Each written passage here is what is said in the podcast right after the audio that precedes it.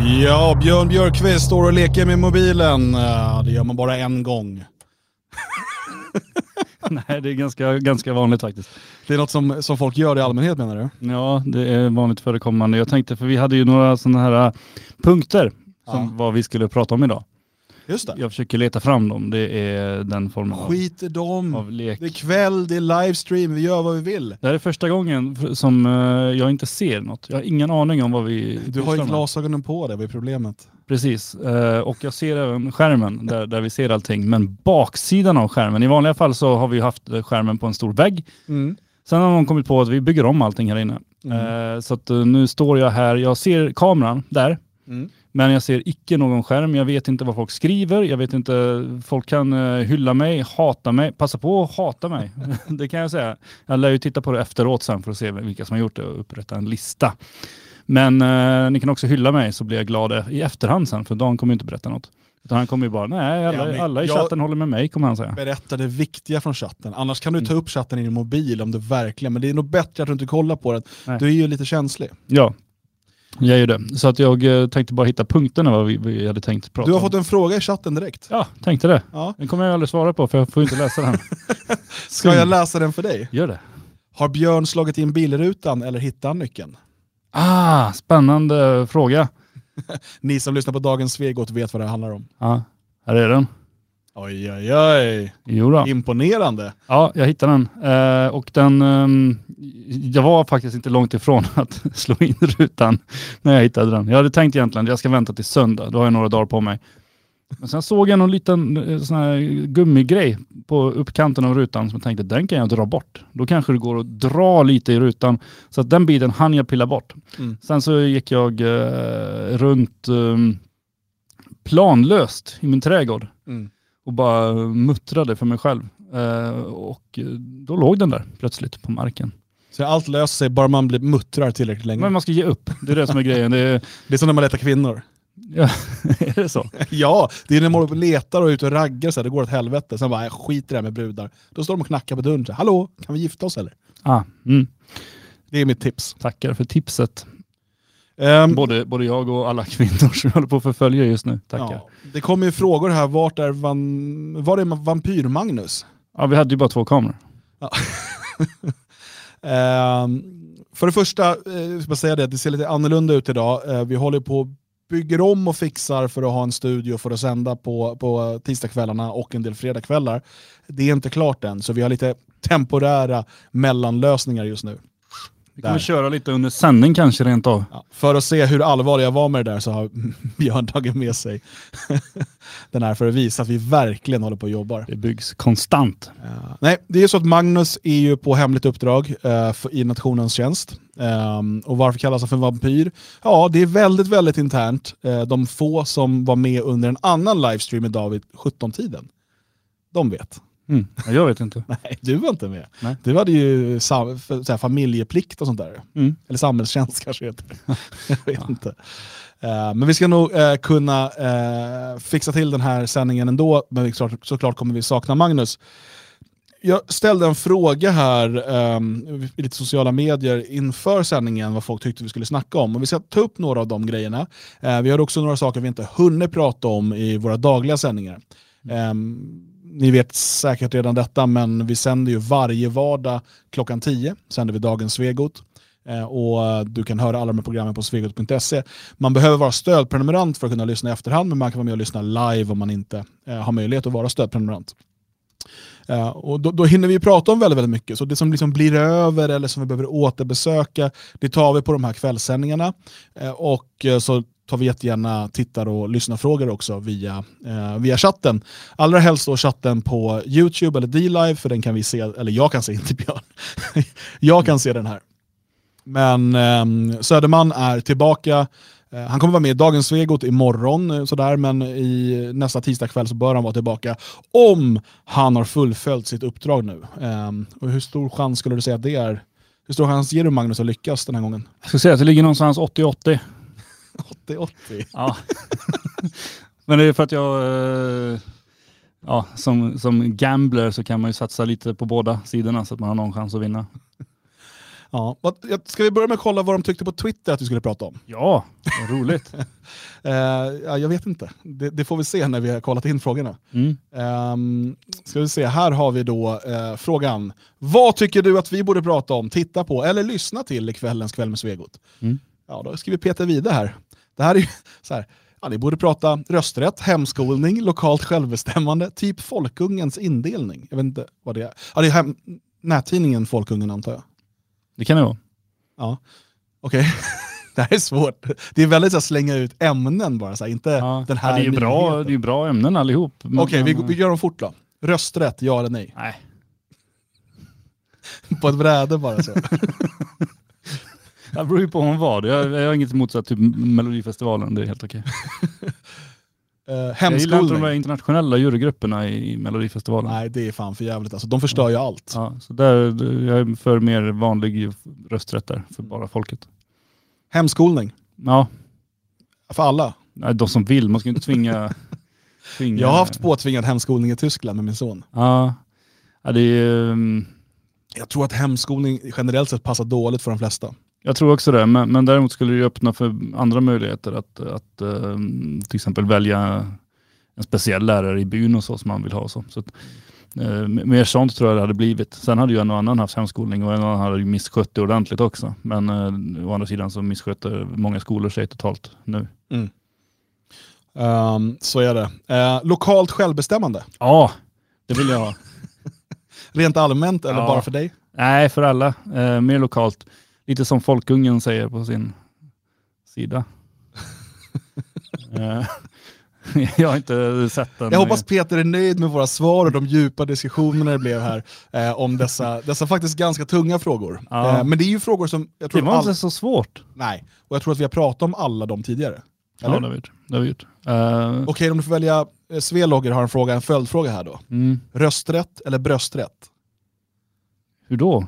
Jag förstår Jag inte vet ens. inte. Allmän rösträtt eller allmän brösträtt? Alla ska ha rätt att ha bröst att klämma på. Nej, att odla. Att odla. det har väl alla rätt att göra idag. Det är ju bara att köpa valfri mängd chips och sitta hemma och Vi har odlat ett tag. Det går framåt. sig. Ja, det löser sig. Um, Okej, ja, så här också då. Eller är det nu man hittar den perfekta Karl Johan-svampen? Innan masken tar den. Skicka ut björn. Mm. Problemet är att jag, jag gillar ju att gå runt i skogen och sådär och gärna plocka blåbär och sånt, men jag tycker ju inte om svamp. Så Alltså att- inte att äta ens. Nej. Inte någon svamp. Inte ska men du kanske inte tycker om att plocka svamp, för det är man, det blir, man måste hålla på och rensa Jag kan och- tycka om att plocka svamp och jag kan tycka om att se svamp, men jag gillar inte att äta dem. Och därför blir det inte att jag går ut och plockar dem, för då får jag bara slänga dem. Så. Okej. Men det finns väl ingen annan i, i liksom din familj eller sådär som tycker om svamp? Nej. Nej, men där har jag satt ner foten. Utan det, det är inte många regler ni har i hushållet, men det är en. Vi tycker inte om svamp hemma hos Björkqvist. ja, jag vet, jag håller på att göra en lista här som jag presenterar något extra varje gång i vad jag söker för en kvinna. Mm. Och då har det varit att hon ska ha blåa ögon. Jag kommer inte ihåg vad det var förra gången. Just det, hon ska ha, koll på Ja. grejer. Det här med dvärg som du nämnde här om dagen. Nej, det var inte- mer ett skämt. Okej, ja. Eh, eller en bihobby. Eh, det är en så här, vad ska men man sen säga? får hon ju inte tycka om svamp heller. Det är en ganska liten anledning att ha en kvinna. Ja. är det du menar? Ja, hon får inte vara småsint. Nej. Eh, kardinalen håller med i alla fall. Eh, svamp är inte gott. Nej, Eh, inte- Men Claes David har koll på det här. Ja. Stekt svamp i smör på rostad macka är jävligt gott. Ja, men det beror väl på vilken sorts svamp eller? Men det är också gott om man tar bort svampen. Alltså bara smör på rostad macka.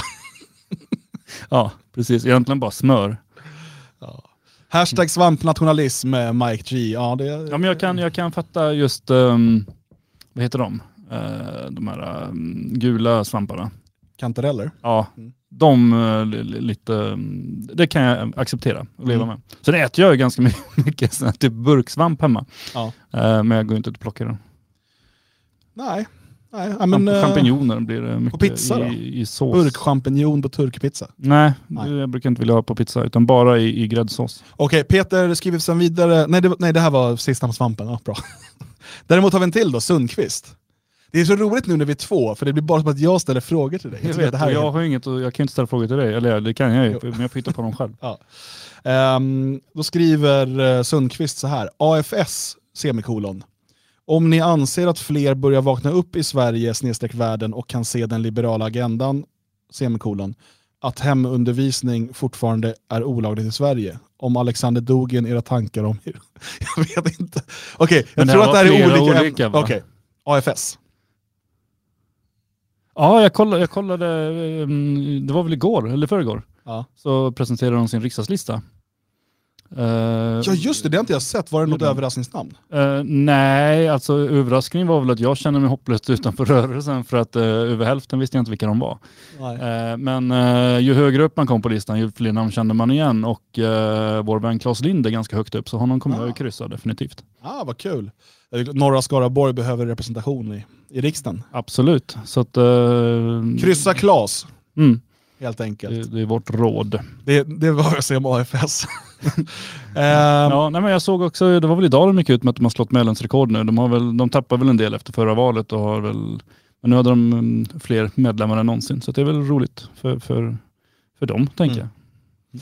Ja, nej, grattis helt enkelt. Ehm, här då, om ni anser att fler börjar vakna upp i Sverige och världen och kan se den liberala agendan. Alltså anser vi, verkar det som att det är fler och fler som börjar eh, vad ska man säga, sympatisera med, eh, med vår eh, beskrivning av världen? Eh, ser du en sån rörelse eller står det och stampar eller går vi bakåt eller hur skulle du? Alltså ser man över längre tid så absolut, men ser man över en ganska kort period så, så tror jag väl inte att det har gått speciellt mycket framåt de senaste två åren eller så. Det tror jag inte. Alltså i, när det kommer till Sverige så gick vi ju framåt. Dels att SD kom in 2010 men sen 2015 med, med, med liksom, eh, floden av främlingar som invaderade. Sen om människor vaknar upp och ser den liksom, liberala världsbilden och ser igenom den, det, det är jag inte lika säker på. De vill inte ha invandrare bara. Men, men eh, visst, över tid så har det ju skett ett enormt uppvaknande. Det är ju en enorm skillnad på såväl kvaliteten på eh, samhällskritiker idag och för 40 år sedan. Eller, och även i det som skapas och allting. Och dessutom är det många, många fler som sympatiserar. Här tycker jag är en, en ganska bra eh, följdfråga på det vi pratade om tidigare ifrån ehm, nej, Alexander Svensson skriver så här. Slänger man bort rösten om man röstar AFS eller ska man köra det minst dåliga, SD? Det får man väl välja själv. ja, det är väl inte jag som... Nej, men jag tycker inte man kastar bort... Jag, eh, jag har väl inte hundraprocentigt bestämt vad jag kommer rösta på. Mm. Eh, det har jag inte gjort därför att jag tycker inte man ska gå och bestämma sig fyra år i förväg. Nu vet jag att det inte är fyra år till valet, men många säger bara ah, nästa val, då blir det, menar, partier ändras och gör mycket konstiga grejer och sådär. Och, mm, jag är inte fast i något parti utan kan tänka fritt och fram till valdagen, då bestämmer jag mig fullt ut. Men jämför, uh, välja mellan AFS och SD, då tycker jag absolut att man ska rösta på Alternativ för Sverige som det ser ut nu i alla fall. Alltså jag tycker man ska rösta på det parti som, det som, låter som det här Killinggänget-sketchen nu, man ska rösta på de man tycker är bra. Ja, det. Eh, Mm. och det, det är så, alltså, det, är inte, det här med bortkastad röst, det här taktikröstandet är ju eh, det är idioti och det har satt käppar i hjulet för många. Jag, jag såg att det var någon sån här eh, som var ute och bråkade med AFS-are nu, någon SD-människa med så här Israel-flagga efter namnet på Twitter och så, eh, som sa det att ja, det kanske är bäst politik, men att rösta på AFS, det är, det är en röst på Socialdemokraterna. För Ja, det är, det är det ju inte. per definition är det inte det. Här, och att det är förräderi och nu, det här är ett ödesval, nu måste alla rösta på... Och du vet, har man då varit engagerad i ett antal valrörelser så har man ju hört det här varje val. Och jag vet på den tiden, eh, 98, när jag, eh, då fick inte jag rösta, men då hade jag börjat intressera mig för politik och tyckte att folk skulle rösta på SD och sa det till vänner och bekanta och sådär. Mm. Eh, då fick man ju veta att det är bortkastad röst, det är helt meningslöst. Eh, och man skulle istället rösta på Moderaterna och KD och sådär för att få bort sossarna. Samma sak 2002 när jag eh, arbetade med Nationaldemokraterna, då var det samma sak. Nej, nej, nej. Samma sak 2006. Alltså, inte ens Sverigedemokraterna skulle man rösta på. Man skulle rösta på Moderaterna för Fredrik Reinfeldt. Nu är det dags att få bort sossarna! Rösta på Moderaterna. Mm. Och det var så folk eh, resonerade. Och, och man, man hör det här hela tiden, att nej men det går inte, vi måste ju rösta på för att det här taktikröstandet. Helt ärligt, om ni tror att eh, 100 000 SD-röster som istället läggs på AFS, om man nu tycker bättre om dem, att det skulle ha någon större inverkan när vi får 100 000 nya jävla medborgare nästan per år som röstar på massa annat. Det är liksom, det, det, man måste här kunna se det långsiktiga. Om man gillar AFS, eller um, eh, NMR eller, no, eller eh, enhet, eller jag vet inte, alla partier heter utanför riksdagen nu för tiden. Om man gillar dem och tycker att det här partiet vore bra att ha in i riksdagen, då ska man rösta på dem. Det är inte svårare än så. Mm. För att om de får 1%, eller för det första, om de får ett bättre resultat än de fick i tidigare val, så är det en oerhörd moralboost för de som är engagerade. Mm. Och det betyder mer än man kanske kan tro. Alltså de här, många i de här partierna de lägger ner tusentals timmar eh, mellan valen, ideellt arbete för att liksom bygga upp någonting. Och när sen valdagen kommer och folk inte ens går och röstar på dem för att de ska taktikrösta, då skickar det en signal om att eh, liksom, det här kan ni lägga ner. Sluta med det här arbetet, för det är ändå ingen som, som vill rösta på er. Och bara det är, alltså som en, det är som en tumme upp, som en kör på, det är bra det ni gör. Det är det första. Det andra är, vid 1% så kommer man upp i den nivån i Sverige där du får utlagda, betalda och utlagda valsedlar eh, till nästa val. Och det är avgörande för att kunna ta nästa steg. Man får också tillbaka pengar från de valsedlar man köpte senast. Precis. Så att det är ekonomiskt och viktigt och väldigt, väldigt viktigt för att kunna ha en chans att i nästa val nå nästa nivå som är 2,5% eller 4%. 2,5% för att kunna få partistöd. Då måste staten börja betala ut pengar så du kan anställa folk och så vidare. Eh, och vid 4% kommer du in i riksdagen. Så att det är väl, alltså varje röst på ett litet parti är väldigt, väldigt viktigt om du sympatiserar med det partiet. Om du läser SDs partiprogram och läser AFS partiprogram och säger att nej, SD ligger mer där jag, där jag tycker, då röstar du på SD såklart. Men om du sympatiserar med ett annat parti så ska du rösta på det. Det är väl inte så konstigt? Nej, sen handlar det inte bara om hur, vad som står i partiprogrammen utan även hur partierna agerar i övrigt. Eh, Sverigedemokraterna har vi ju ett kvitto på hur de agerar i riksdagen, hur de samverkar med andra partier, är beredda att vika sig på punkt efter punkt, hur man har vikt sig i EU-frågan, i NATO-frågan, eh, abortfrågan, eh, mängder av olika frågor där man efterhand har vikt sig mer och mer. Vi såg eh, hur man var med och tog fram förslaget om eh, skatt för public service. Eh, vilket man var med och tog fram, man var för det. Så startade Alternativ för Sverige och säger att vi vill lägga ner public service, starta om det på nytt. Då ändrar sig Sverigedemokraterna samma dag. Så då säger de att vi är emot det här förslaget som de var med och tog fram. Mm. Eh, så att det påverkar även småpartier, påverkar även om de inte kommer in. Har Sverigedemokraterna AFS flåsande i nacken, de vet att fan, de stjäl våra röster. Eh, om inte vi skärper till oss, då kommer ännu fler gå till dem.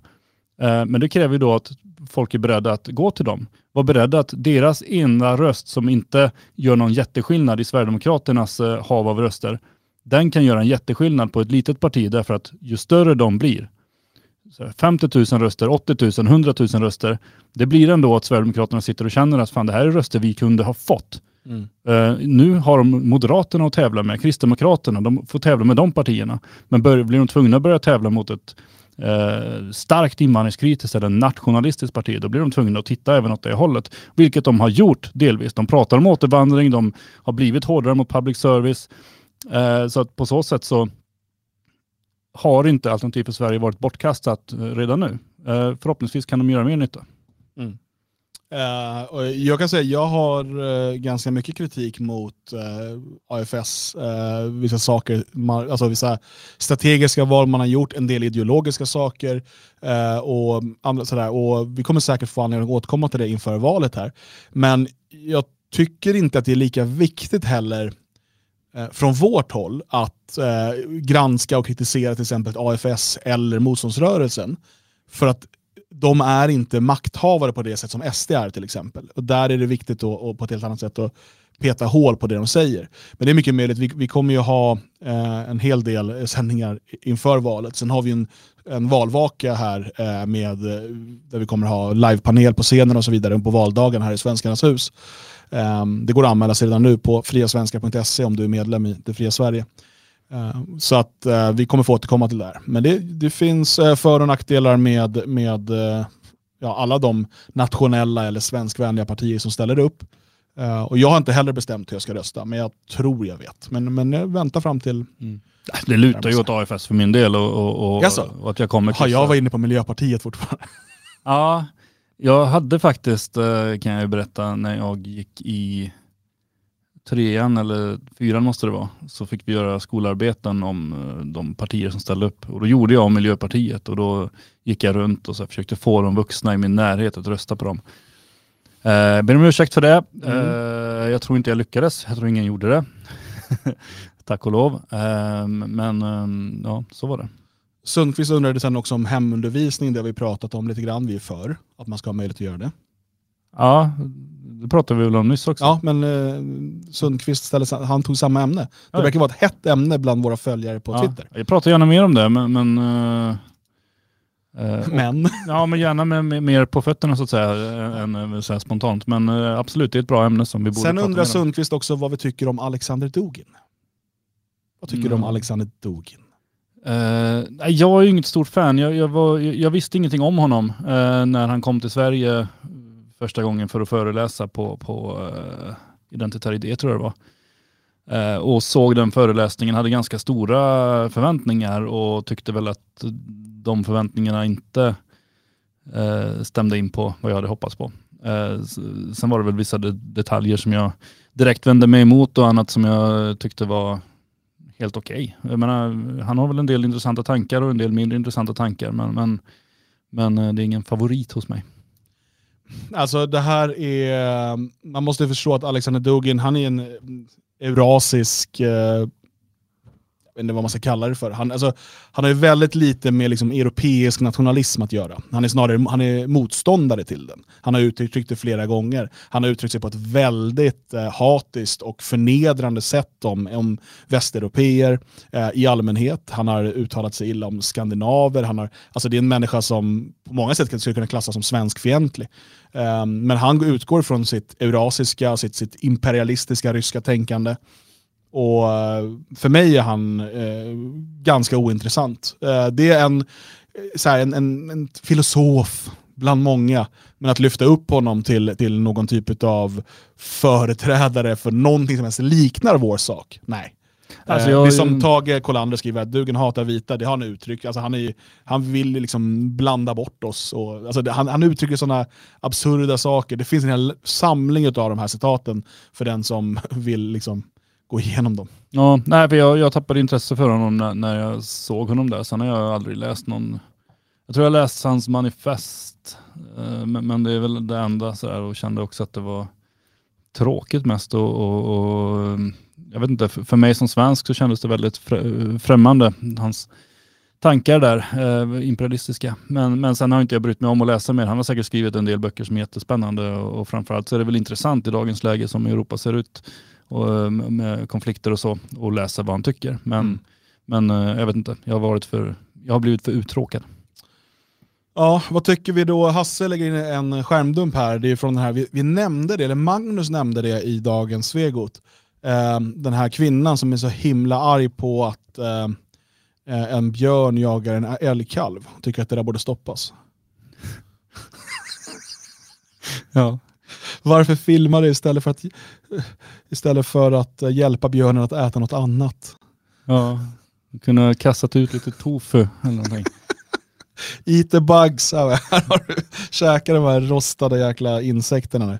Alltså, vad är hur frånkopplade är de här människorna från verkligheten egentligen? Men enormt. Eh, oerhört eh, frånkopplade. Och där kan vi väl ta det du, du eh, retweetade också. Jag tycker det är samma, samma nivå och samma typ av människor. Du menar svinet Camilla?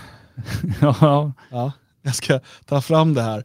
Det här är ju, eh, vi ska lägga upp den här på, på skärmen. Um, Camilla Björkbom då, och vi ska gå in på vem hon är sen. Eh, hon är någon också. Jag, jag visste inte det. hon är avlönad av skattepengar. Surprise! Det var säkert på arbetssidan stod det också. Ja, vill du läsa hennes eh, tweet, eller ska jag läsa den? Ja, för jag har inte den framför mig så att Okej. det är jättesvårt att Så läsa. här står det då. Var det precis en 45-årig kvinna som tog upp tid i paketutlämningen, paketutlämningen på Circle K med att be dem sluta sälja hovar med metmask och metmask? Ja, det var jag! gav en kort redogörelse för fiskars lidande och avslutade med en uppmaning att fokusera på kärnverksamheten, typ läsk och bilar. Ja. ja, jag vet inte, jag har inget att säga, det är bara så jävla dumt. Tänk dig, tänk dig att det står där, på, du jobbar på Circle K, det är ganska stressigt, det är mycket att göra, folk som kommer hämta ut paket i kö, för hon säger ju också det, att hon tog upp tid i paketet. Tänk att det är kö bakom henne. Mm. Många stressade på vägen från jobbet, ska hämta upp eh, paket, posten har lagt ner, det är liksom allt det där jobbet, gå in i butiker och hålla på. Och så han bara, förresten, ni borde sluta sälja hovar och metmask. Fattar du hur ont det gör på fiskelisken? Det- alltså, eh, det, Ja. det är ju... Jag hade, man får ju inte slå eh, förståndshandikappade, men jag hade fan varit sugen när jag jobbade där. Alltså. Man hade blivit aggressiv om man stod i kö framförallt och väntade om man ville ha sitt paket. Det är eh, Camilla Björkbom då, eh, hon, eh, hon har då som presentation har hon Be kind to animals, Ja men det är ju ändå... Political Advisor Food Policy, Eurogroup for Animals. Hon jobbar inom Europaparlamentet kan man säga. Jaha. Eh, eller ja, de är säkert av, de är avlönade av eh, Europaparlamentet. Eh, hon är dock för att vi ska äta mer insekter. Vet hon hur insekterna känner? känner har hon inga Jag vet känslor? inte varför fiskar, eh, de får inte, ska ha inte få ont, men insekter däremot. De ska vi plåga ihjäl och lägga på mackan. Ehm, hon, är, hon, är sån här, hon är från Luleå, har bott i Stockholm och bor i Bryssel. Där Ja. Jobbar då på Eurogroup for Animals. Är det något du vill gå med i kanske? Eh, nej, det, eller, det, det, jag vet inte. Jag vet ingenting om dem. De kanske är jättebra. Det kan ju vara bara att hon är galen. Ja, de är finansierade av dina skattepengar i alla fall, så jag kan säga grattis Björn Mm. att du får finansiera svinet Camilla, för det är vad hon numera heter i folkmun. Mm. Eh, hon kommer säkert gråta ut om näthat snart. Eh, Säkert.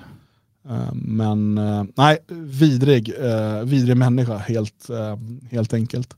Och det Ja. passar väl ihop med den här, hon som Ja, men den här synen på djur, alltså det, Ja. det är totalt verklighetsfrämmande. Jag menar, visst, jag, jag kan fatta att människor väljer att bli vegetarianer och veganer för att de tror att det är bra för klimat eller bra för eh, Djuren. Ja, det är synd om djuren och sådär. Men, men människan är ju köttätare i grund och botten från början. Eh, och Du har ju varit vegetarian Ja, eller hur? under lång tid va? Ja, ganska många år. Åtta år eller något. För att du...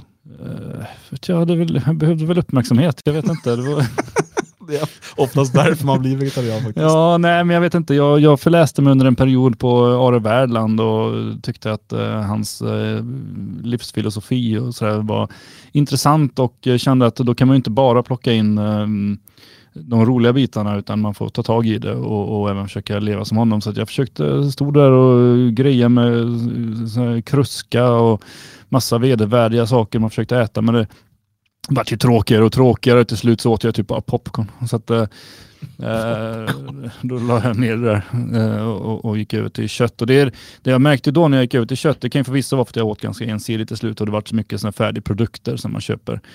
Eh, och så gick jag över till mat istället. Då. Eh, och jag mådde ju mycket, mycket bättre efter jag bytte till kött. Mm. Eh, Men eh, med det sagt så har jag ju, alltså, människor som mår bra och äter vegetariskt tycker jag absolut ska, ska göra det, men man behöver inte hålla på och försöka tvinga på alla andra det. Sen finns det ju mycket vidrigt med köttindustrin, definitivt. Mm. Eh, som den ser ut idag. Jag hade ju mycket hellre handlat min mat av eh, bönder i närheten och så, men mm, jag har inte skaffat mig de möjligheterna än i alla fall. Men det kanske dyker upp nu när man bor lite mer ute på landsbygden. Ehm, fråga som jag tror är riktad till dig här från Freidan i chatten. Med tanke på svenska översättningen av Hellstorm, vet ni om det finns planer på en svensk översättning av Summer 1945? Ingen aning. Är det en bok du känner till? Nej. Så vi säger ja. Ja. Det finns planer på det säkert.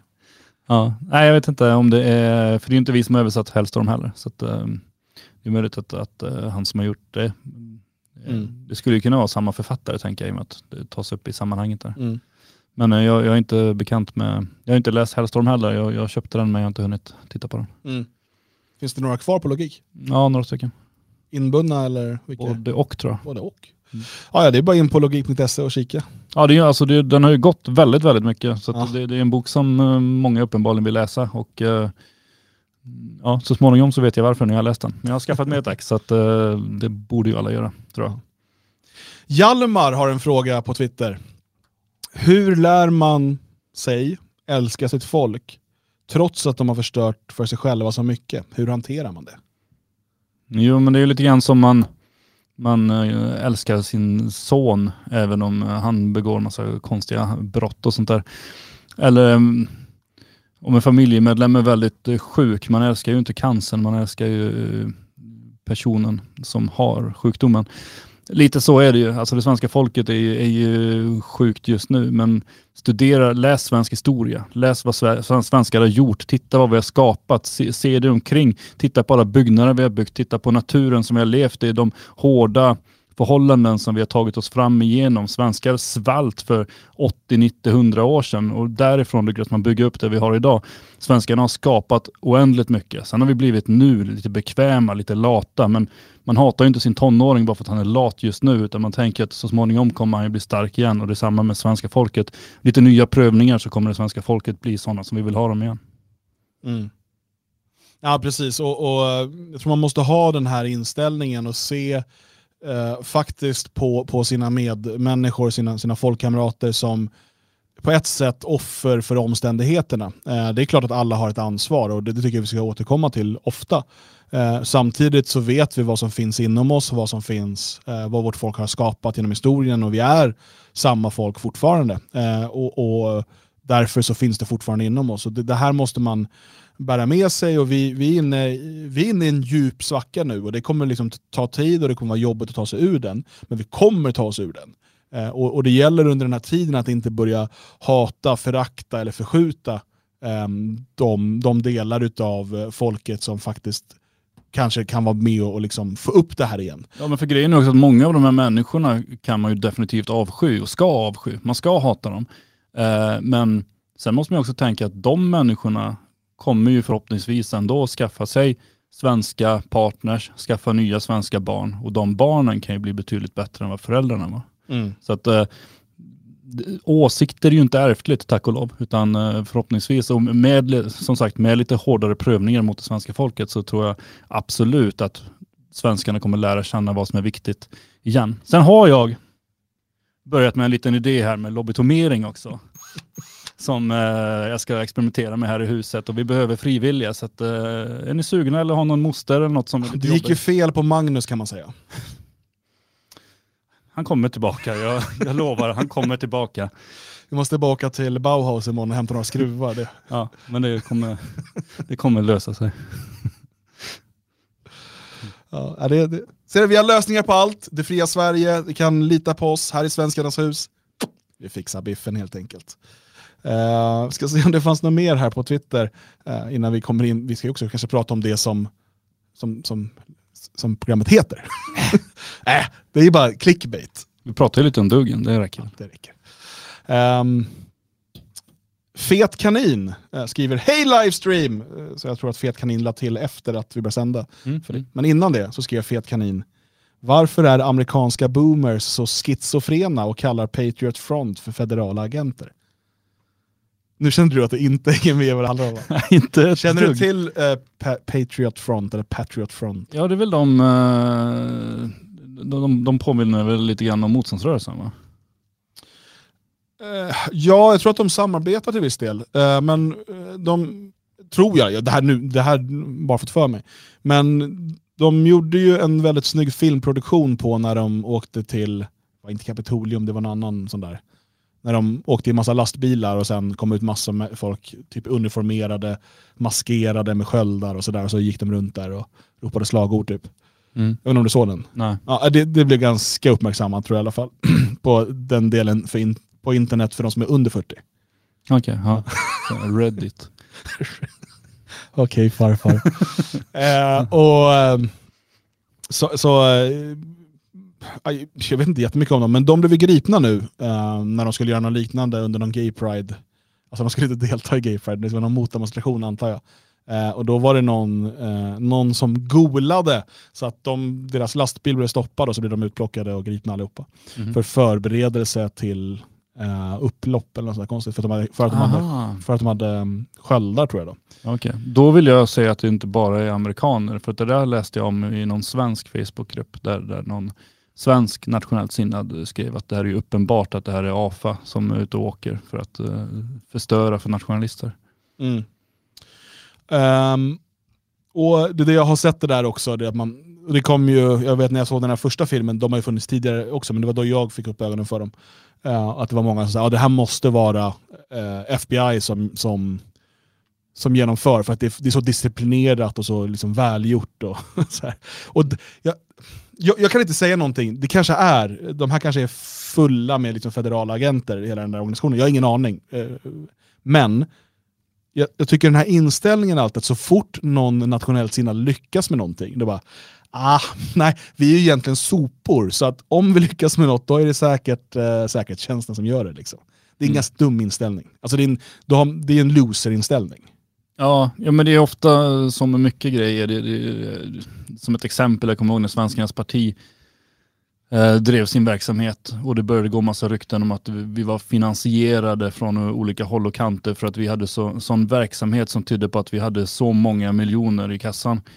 Eh, vilket vi inte hade, utan vi hade eh, Anders Erleskog som var jävligt snål och vände på varenda öre som gjorde att vi liksom vi hade gott om, alltså de små resurser vi hade räckte väldigt, väldigt, väldigt långt därför att de inte slösades på någonting. Mm. Eh, vilket andra inte kunde förstå. Eh, och, det, och det är lite samma, alltså det är någon form av avundsjuka som dyker upp så fort någon gör någonting eh, bra eller vettigt. Nu vet jag som sagt ingenting om de här, men jag, jag tror inte att man automatiskt alltid ska ha inställningen att så fort någon gör någonting häftigt eller bra så eh, är de fiender. Mm. Nej, eh, och det där... Jag tror inte det är specifikt för amerikaner utan för människor eh, överallt. Ja. Kanske framförallt i en eh, rörelse som, som vår, inom citationstecken, som också, det finns så stora överlapp till väldigt så här, konspiratoriska miljöer. Det finns, och det finns väldigt mycket misstro som, av förklarliga skäl mot, mot staten och, och mycket annat. Och, jag vet ju, det kanske fortfarande är så, jag har liksom knappt någon kontakt med den så kallade rörelsen i Sverige längre. Jag, jag fokuserar på det fria Sverige, det, det jag tycker är intressant och det som jag ser har någon, någon ordentlig framtid. Men um, jag vet hur det var förr, då var det ju beskyllningen var ju liksom ofta om, om det var någon man var i konflikt med eller sådär, det var, det, liksom, då är det, men han jobbar med Säpo, eller han liksom det var ju liksom det, och så var det där ett rykte som gick och så fanns det en massa olika grupperingar som bara nej de där är Säpo, de där är Säpo. Och så jag kan tänka mig att Säpo så här, vi behöver inte göra något här.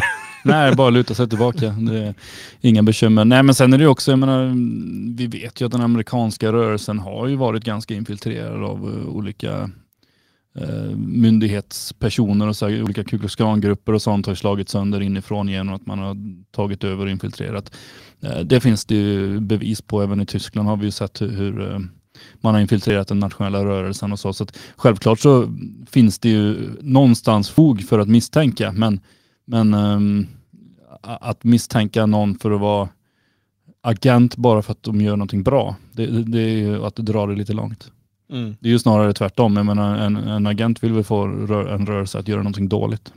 Ja, det, det, man, det man har sett i USA och Tyskland är ju ofta att de som är drivande i så här att Åh, nu ska vi alla ta till vapen och nu ska vi bla bla. Det här är så helt lönlösa. Det, där hittar man, har man ju ofta, i alla fall i Tyskland vet jag, och i England vet jag det, USA har vi sett det också. Ja, det var ju det som la grunden till, till uh, när Randy Weaver-historien Ja. och allting. Det var ju infiltration och de lurade dem att köpa vapen och sen Ja. slog de till. Och eh, så att ehm, man, man ska eh, alltid vara lite försiktig med människor som, som ropar på den där typen av fantasirevolutioner. För att det, det, det kan också bara vara någon med mycket fantasi. Men hur som helst så. Alltså någon som är väldigt ung eller väldigt ny i, i rörelsen, många går den rundan. Man, man, Mm. man blir, vill att allt ska gå fort, men sen eh, lutar man sig tillbaka. Människor som varit med väldigt länge och fortfarande ropar efter det, det, det, det där kan man bli lite orolig. Mm. Rysk Schutzpa skrev vi här eh, för att få lite klick. Eh, det verkar funka, det klickas bara av bara den. Ja, folk klickar ur sig lika fort när vi Eh, pratar jag tänker vi, ska, vi kan bara kolla på en artikel som Samnytt publicerade. Eh, och eh, det är lite taskigt på ett sätt att det är Putin på bilden hos oss och det är Putin på bilden hos Samnytt. För det är inte Putin som har sagt det här vi ska prata om. Nej, men men eh, han har sagt lite andra saker i och för sig. Eh, men jag, när, när jag läser det här så känner jag att jag vill prata med dig om det här Björn. För att du är ju en livslevande gotlänning. mm, mm, mm. Har ni lång tradition på Gotland, din släkt eller? Eh, det har vi. Eh, vet inte exakt, nej, exakt vet jag inte för jag har inte släktforskat på alla grenar heller bakåt. Jag vet i alla fall från 1700-talet eller så. Men, men, Ja men då är ni ryssar. det är säkert längre. För, för att det är här, ehm, så här skriver Samnytt då. I en artikel eh, på nätet påstår en rysk tv-kanal att landet har rätt till Gotland och hänvisar till invasionen av ön i början av 1800-talet. Citat, ryska medborgare går med i NATO, slutcitat, lyder rubriken på ett ungefär på den artikel som hela Gotland uppmärksammar. Enligt artikelförfattaren är gotlänningar ryska ättlingar sedan ryska invasionen av Gotland 1808. Därmed skulle Ryssland ha rätt att citat, skydda invånarna på Gotland, slutcitat. Detta enligt ett tillägg i ryska grundlagen. Ehm, det visar sig att vårt land formellt inte kan göra anspråk på ön, men det har rätt att skydda sina invånare. Ehm, och det här är ju det här tillägget då i den ryska grundlagen, det här är ju, eh, har diskuterats tidigare, det här ligger till grund för att man då ska, eh, och det, som många exempel i, i baltstaterna är rädda för, att man eh, ska använda det så som man argumenterar i Ukraina till exempel, att så, men det här, de här är egentligen ryssar och de, det ligger i den ryska, det här har varit Ryssland, det ska vara Ryssland. Liksom. Ehm, och så börjar någon då på den här ryska tv-kanalen argumentera på samma sätt eh, om Gotland. Och, men hur stark skulle du säga då som gotlänning Björn, är den ryska identiteten på Gotland? Ja, alltså, är det mycket borst och eh, hustrumisshandel och vodka? Mycket vodka är det absolut. Men eh, jag tror nog att, jag vet inte, vi, vi har nog aldrig tänkt på alkoholkonsumtionen som något specifikt ryskt. Utan, eh, mer kanske att det här stammar från, från eh, tiden med danskt eh, och även tysk, eh, tyskt inflytande. Mycket öl och så är det ju. Eh, och, och Gotlandsdricken naturligtvis. Eh, nej, jag, jag kan väl inte säga, säga att jag eh, tror att jag någonsin har träffat någon som har vill, velat prata om sitt ryska arv. Så, aldrig, det, det, det är inga sådana här eh, stora plakat där folk uppmärksammar så här 1808 års eh, ockupation. Mm. Nej. Nej, men och, och varför jag då skriver rysk chutzpa, så här, det, det är klart att det är lite tillspetsat, men det finns en, en fräckhet här också eh, som jag, jag har återkommit till flera gånger tidigare. Eh, de kontakter jag haft eh, eh, med ryska nationalister, de kontakter jag hade när jag bodde i Litauen med ryssar som bodde där. Det finns liksom en idé, dels om att de är ett herrefolk, de är liksom, det, du och så, här, och det, så finns det många folk som tänker. De är de bästa. Liksom, de, så här. Men det finns också den här idén om att de ska styra över alla andra. Alla andra har bara civilisation tack vare dem. Um, I Litauen när jag bodde där, det var väldigt skillnad på att umgås med litauer och med ryssar. uh, och de umgicks knappt med varandra.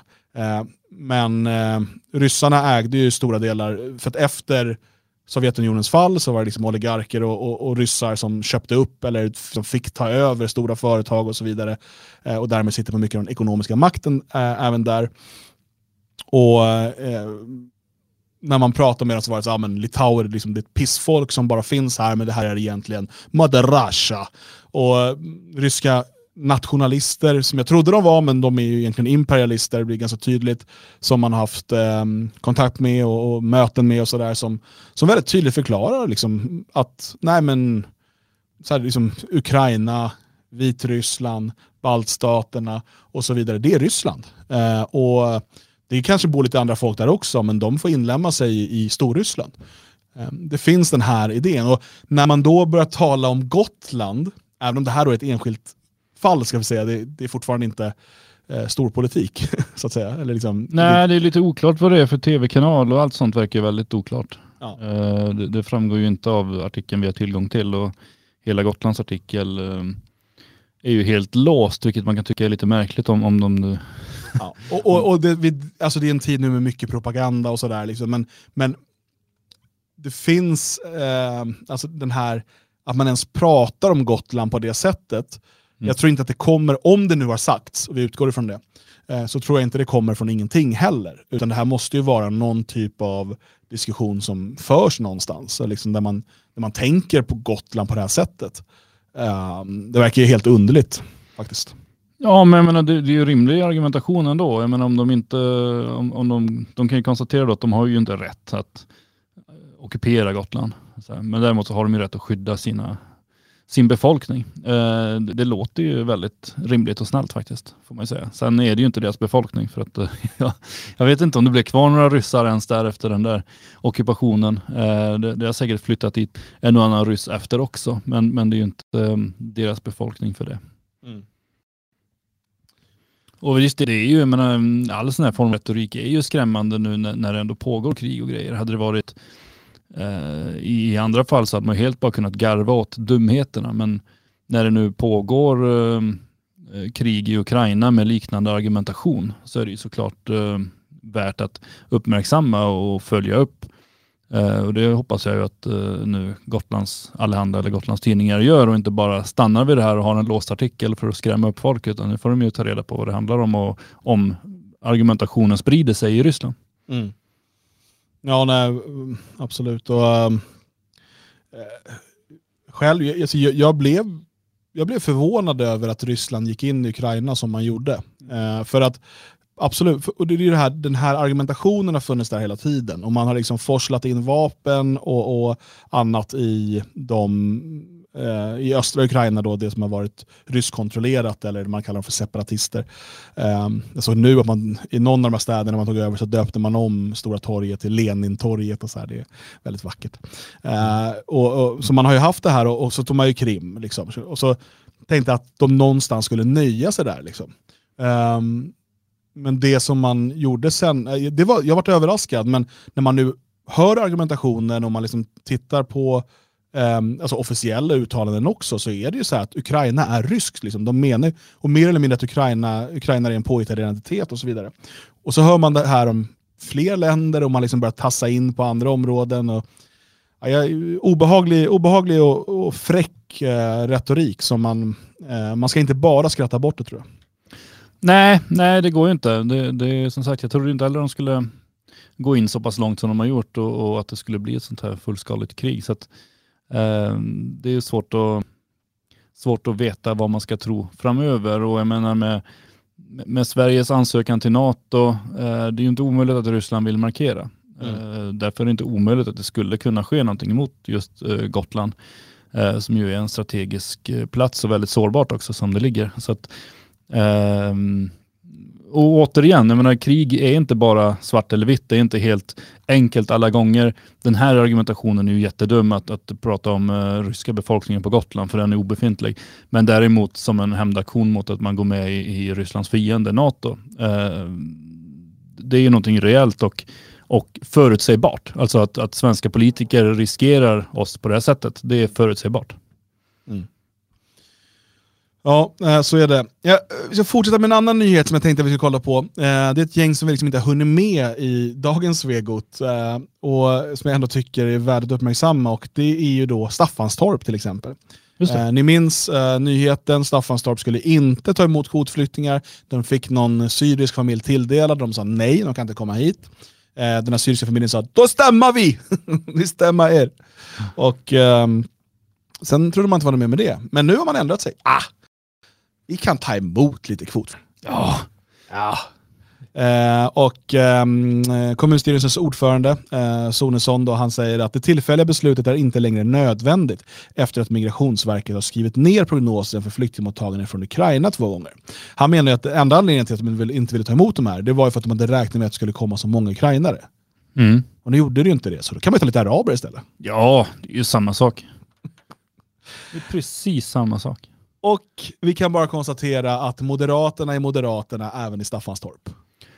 Ja, så är det. Sen tror väl jag någonstans att han egentligen inte vill. Jag menar det här med att de inte ville ta emot kvotflyktingar, det var ju något de pratade om redan innan Ukraina-krisen. Mm. Så, att, så att jag tror ju inte, jag tror egentligen att de inte vill där, men eh, jag tror att de har blivit så pass hårt dragna i, i öron och näsor och diverse av, av um, uppifrån så att eh, de väl har blivit tvungna att eh, öppna upp här. Men, eh, men återigen så det, det talar ju ändå. Det är ju inte särskilt eh, hårt motstånd man bjuder. Nej, det kan man ju inte, inte påstå. Eh, och du tror inte på Staffanstorp som den sista svenska utposten då eller? Jag vet inte hur det ser ut där idag rent befolkningsmässigt ändå. De har nog fått sin beskärda del redan innan. Mm. Ja, det är väl grader i helvetet. Det är väl säkert bättre än på Rosengård. Ja, eller valfritt äventyrsbad. Det är säkert ja. trevligare.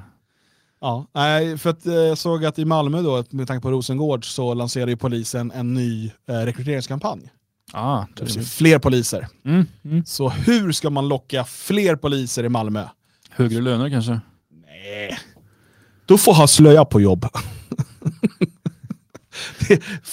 Affischansiktet, alltså ansiktet utåt, är då en kvinna i slöja och polisuniform.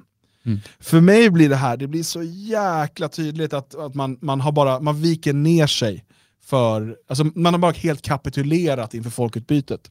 Mm. Eh, och man, det är som att man vill signalera det också till eh, stadens alla klaner och kriminella nätverk, att kolla, vi är också, vi är också klan.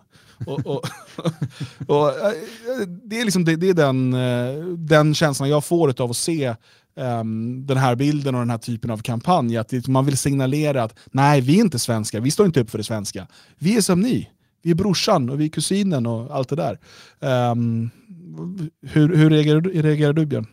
Ja, men jag tycker det är så dumt. Och det, det, vi har ju pratat om det här tidigare när det blev beslutat att det skulle få lov att finnas eh, poliser i burka, eller inte i burka utan i slöja. I burka hade faktiskt varit något. Ja, men det kommer ju, det kommer ju också. Med, med en sån här saftblandare på huvudet. Ja. Det hade varit kul. Det hade, det hade på, varit... på, på så segway under burkan. Ja. Jo men det, det, kan ju komma, det, det, det, kan ju komma också. Eller så här, sy någon specialdräkt så att de kan sitta på hästar där det går över hela hästen. jättekonstigt. Uh, Mats Lind kräver bikini på alla poliskvinnor. Ja, uh, och varför inte? Alltså det, det är ju det som är grejen.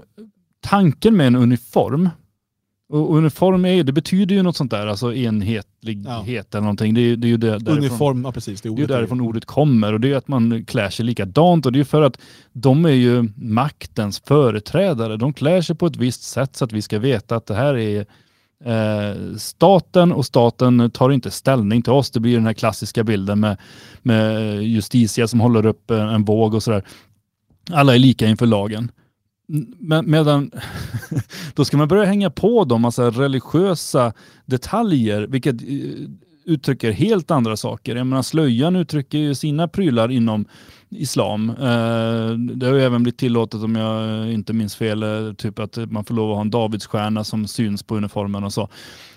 Det där, och, och regnbågsgrejer till vansinne naturligtvis. Och det där är ju så fullständigt idiotiskt för då tar man plötsligt ställning för en massa andra saker och det här eh, oberoendet eller neutraliteten som man uppvisar, ska uppvisa, den tas ju bort.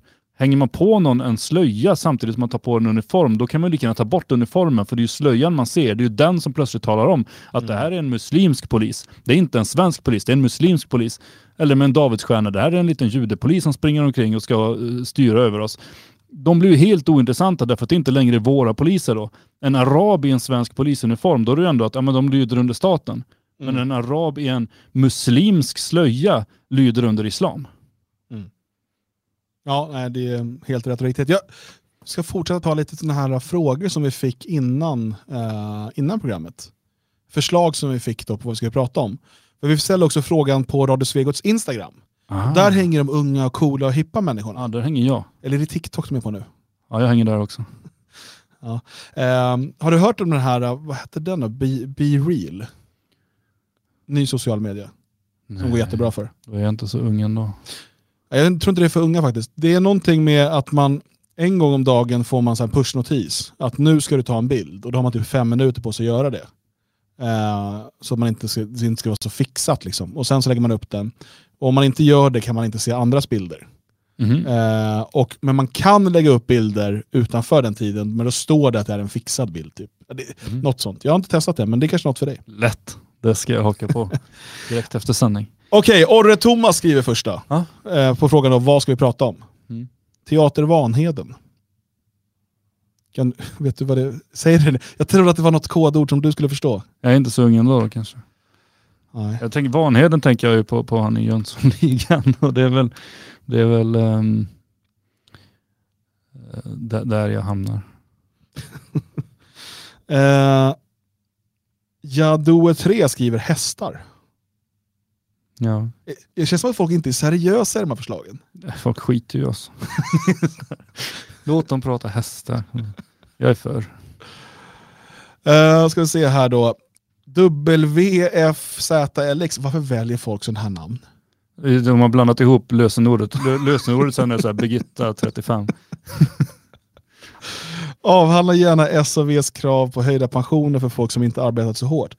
Det där det är ju stora snackisen i svensk politik just nu. Jag vet, så jag tänkte vi skiter i den. Ja, för att jag säger så här, jag, jag har satt mig in i det här lite grann. Och jag känner att jag är totalt ointresserad. Ja, jag, Alltså skillnaden med vänsterförslaget är ju att de som inte har arbetat kommer få hög pension. Medan högerförslaget är att det ger lite mer till de som faktiskt har arbetat. Ja, högerförslaget är väl ett lite mer till alla. Ja precis, men då ger det också till Även, de som har även till de som har inte arbetat. Ja, fast eh, vänsterförslaget slår ju, hjälper egentligen bara de som inte har arbetat eller som har allra lägst pensioner. Ja, precis. Eh, men jag kunde inte vara mer intresserad. Jag såg att eh, Kristoffer Dullny höll på att göra jätteförberedningar nu inför något Lögnernas tempel om det här. Så det kan vi väl rekommendera om man vill. Ja, nej, för jag kände det också. Jag, jag tyckte det var tråkigt. Eh, Och när alla sossar höll på och skrev om att kolla här nu, Moderaterna stoppar. De vill inte att de här stackars pensionärerna ska få tusen kronor extra. Jag tycker ändå det är en jävla slump att ett parti som har styrt Sverige i sju år kommer på det här precis innan valet. Pengarna skulle börja delas ut i augusti. Då är det dags att ge dem högre pension. Ja, nej, men de har klarat sig bra utan dem fram till augusti, valåret. Mm. Eh, där, där någonstans tycker jag att det faller liksom hela deras argumentation om att de tycker så himla synd om de här pensionärerna. Ja, det är svårt att säga emot. Det är, det är uppenbart valfläsk. Liksom. Ehm, och sen står Shekarabi där och ska liksom företräda regeringen. Så här, illegal invandrare som åker fast för bidragsfusk. Liksom. Och, det, och det är han som... Ja, ledare för SSU under deras största skandal Ja. någonsin när de blåste skattebetalarna på pengar genom att hitta på att de hade en massa medlemmar som, de som inte fanns för att de skulle få eh, bidrag, eller de fick bidrag till följd av det. Och deras försvar var att nej, men det här handlade inte om att vi ville ha bidrag utan det här handlade om att påverka interndemokratin därför att om vi hade fler medlemmar i vår lokalförening så hade vi större inflytande. Så att de stal pengar från staten men det var bara en liten bieffekt för att de ville manipulera interndemokratin. Där har vi svensk socialdemokrati. Eh, så att, att de skulle bry sig speciellt mycket om svenska pensionärer. Nej, tror Nej. inte det. Nej, nej, nej, nej. Sista frågan eh, från Alex är varför vår logga inte är symmetrisk. Ja, det får du svara på. Jag vet inte. Nej. Det får vi fråga han i Indien. Ja. varför, varför ska det vara symmetrisk för? Det låter som någon OCD. Ja. Det kunde ju bara varit en ring. Jag måste säga att eh, chatten blev lite arg på oss. Oj. Men vad tycker vi om hästar egentligen? Men jag sa ju att jag var för. Är du för hästar? Ja. Du menar att de finns? Ja, Jag tycker man ska få ha en häst om man vill ha en häst. Häst är en frukt. Nu är det du som är gammal Dan. Visst är det en gammal referens? Tror du det är någon i chatten som hänger med på det? Ja, jag tror det. Får se. Eh, ja, jag, alltså jag är ju hästrädd. Mm. Nej det är jag inte längre. Jag var det när jag var mindre. Men eh, de är stora och farliga. Ja, men de är ganska... Det är ganska imponerande djur egentligen. Ja, det är det jag säger. Jag vet inte vad mer man ska kunna säga. Nej. Hur mycket kan man säga om hästar? Liksom? Nej. Jag såg här på Twitter eh, Marie Holmqvist. Mhm. Hon skrev, hon, hon eh, gjorde en skärmdump här på Evelina Hane och skrev Gör Sverige svenskt igen? Citat, slutcitat. Säger Hane och skäms inte det minsta över den övertydliga referensen till rårasisterna som röjde runt i Bevara Sverige svenskt på 80-talet. Herregud. Jag håller med, ibland är det svårt att älska sitt folk alltså när man eh, läser sånt här. Men eh, ja, Eh, det är lätt att hata människor rent ut sagt och, och kalla dem för diverse saker. Och det tycker jag att man ska få göra. Och det ser fram emot när vi kan ha klart eh, så som vi vill sända framöver. Vi vet ju inte hur vi vill sända. Ja, men vi har en idé. Ja. och jag håller på att kolla på rätt möbler och sådär för att kunna bygga en jäkligt cool eh, sändningsstudio. man säger. För, från scenen tänkte vi en se ut. divan. Vi ska ligga på en divan. Fy fan vad härligt. Det ska bli så jäkla bra. Ja, Josef står med vindruvor. Mm. Matar oss. Gud vad många idéer jag fick nu. Eh, men vi kör ju på med dagens Svegot här varje vardag klockan, eh, klockan 10. Eh, och nästa vecka får vi se om vi redan är på scenen här i Svenskarnas hus då och har det färdigt. Annars så slår vara- vi väl typ så här. kan vara i trappan på vägen ner. alltså steg för steg, vi närmar oss. Eh, men dagens Svegot klockan 10 varje vardag, kom gärna in och lyssna. Vi sänder på Spreaker och på Telegram faktiskt. Vi har faktiskt sänt det här programmet nu på Telegram också med video. Oj, laddar, laddar telefonen hem hela programmet då? Nej, jag tror jag streamar direkt. Jag vet inte, allt är teknik. Det är, det är som det är. Du gör som du vill. Ja. Eh, men eh, jag tänker att vi ska tacka för oss för ikväll och tack för er i chatten för att ni vill vara med och hänga med oss den här kvällen. Gå gärna in och lyssna på poddarna som sagt. Det finns eh, massor att lyssna på från de senaste veckorna. Och glöm nu inte sommarfesten 30 juli. In på svegot.se eller detfriasverige.se och boka din plats. Det kommer bli riktigt jäkla bra. Så ehm, tack och på återhörande. Nu får du dansa Björn.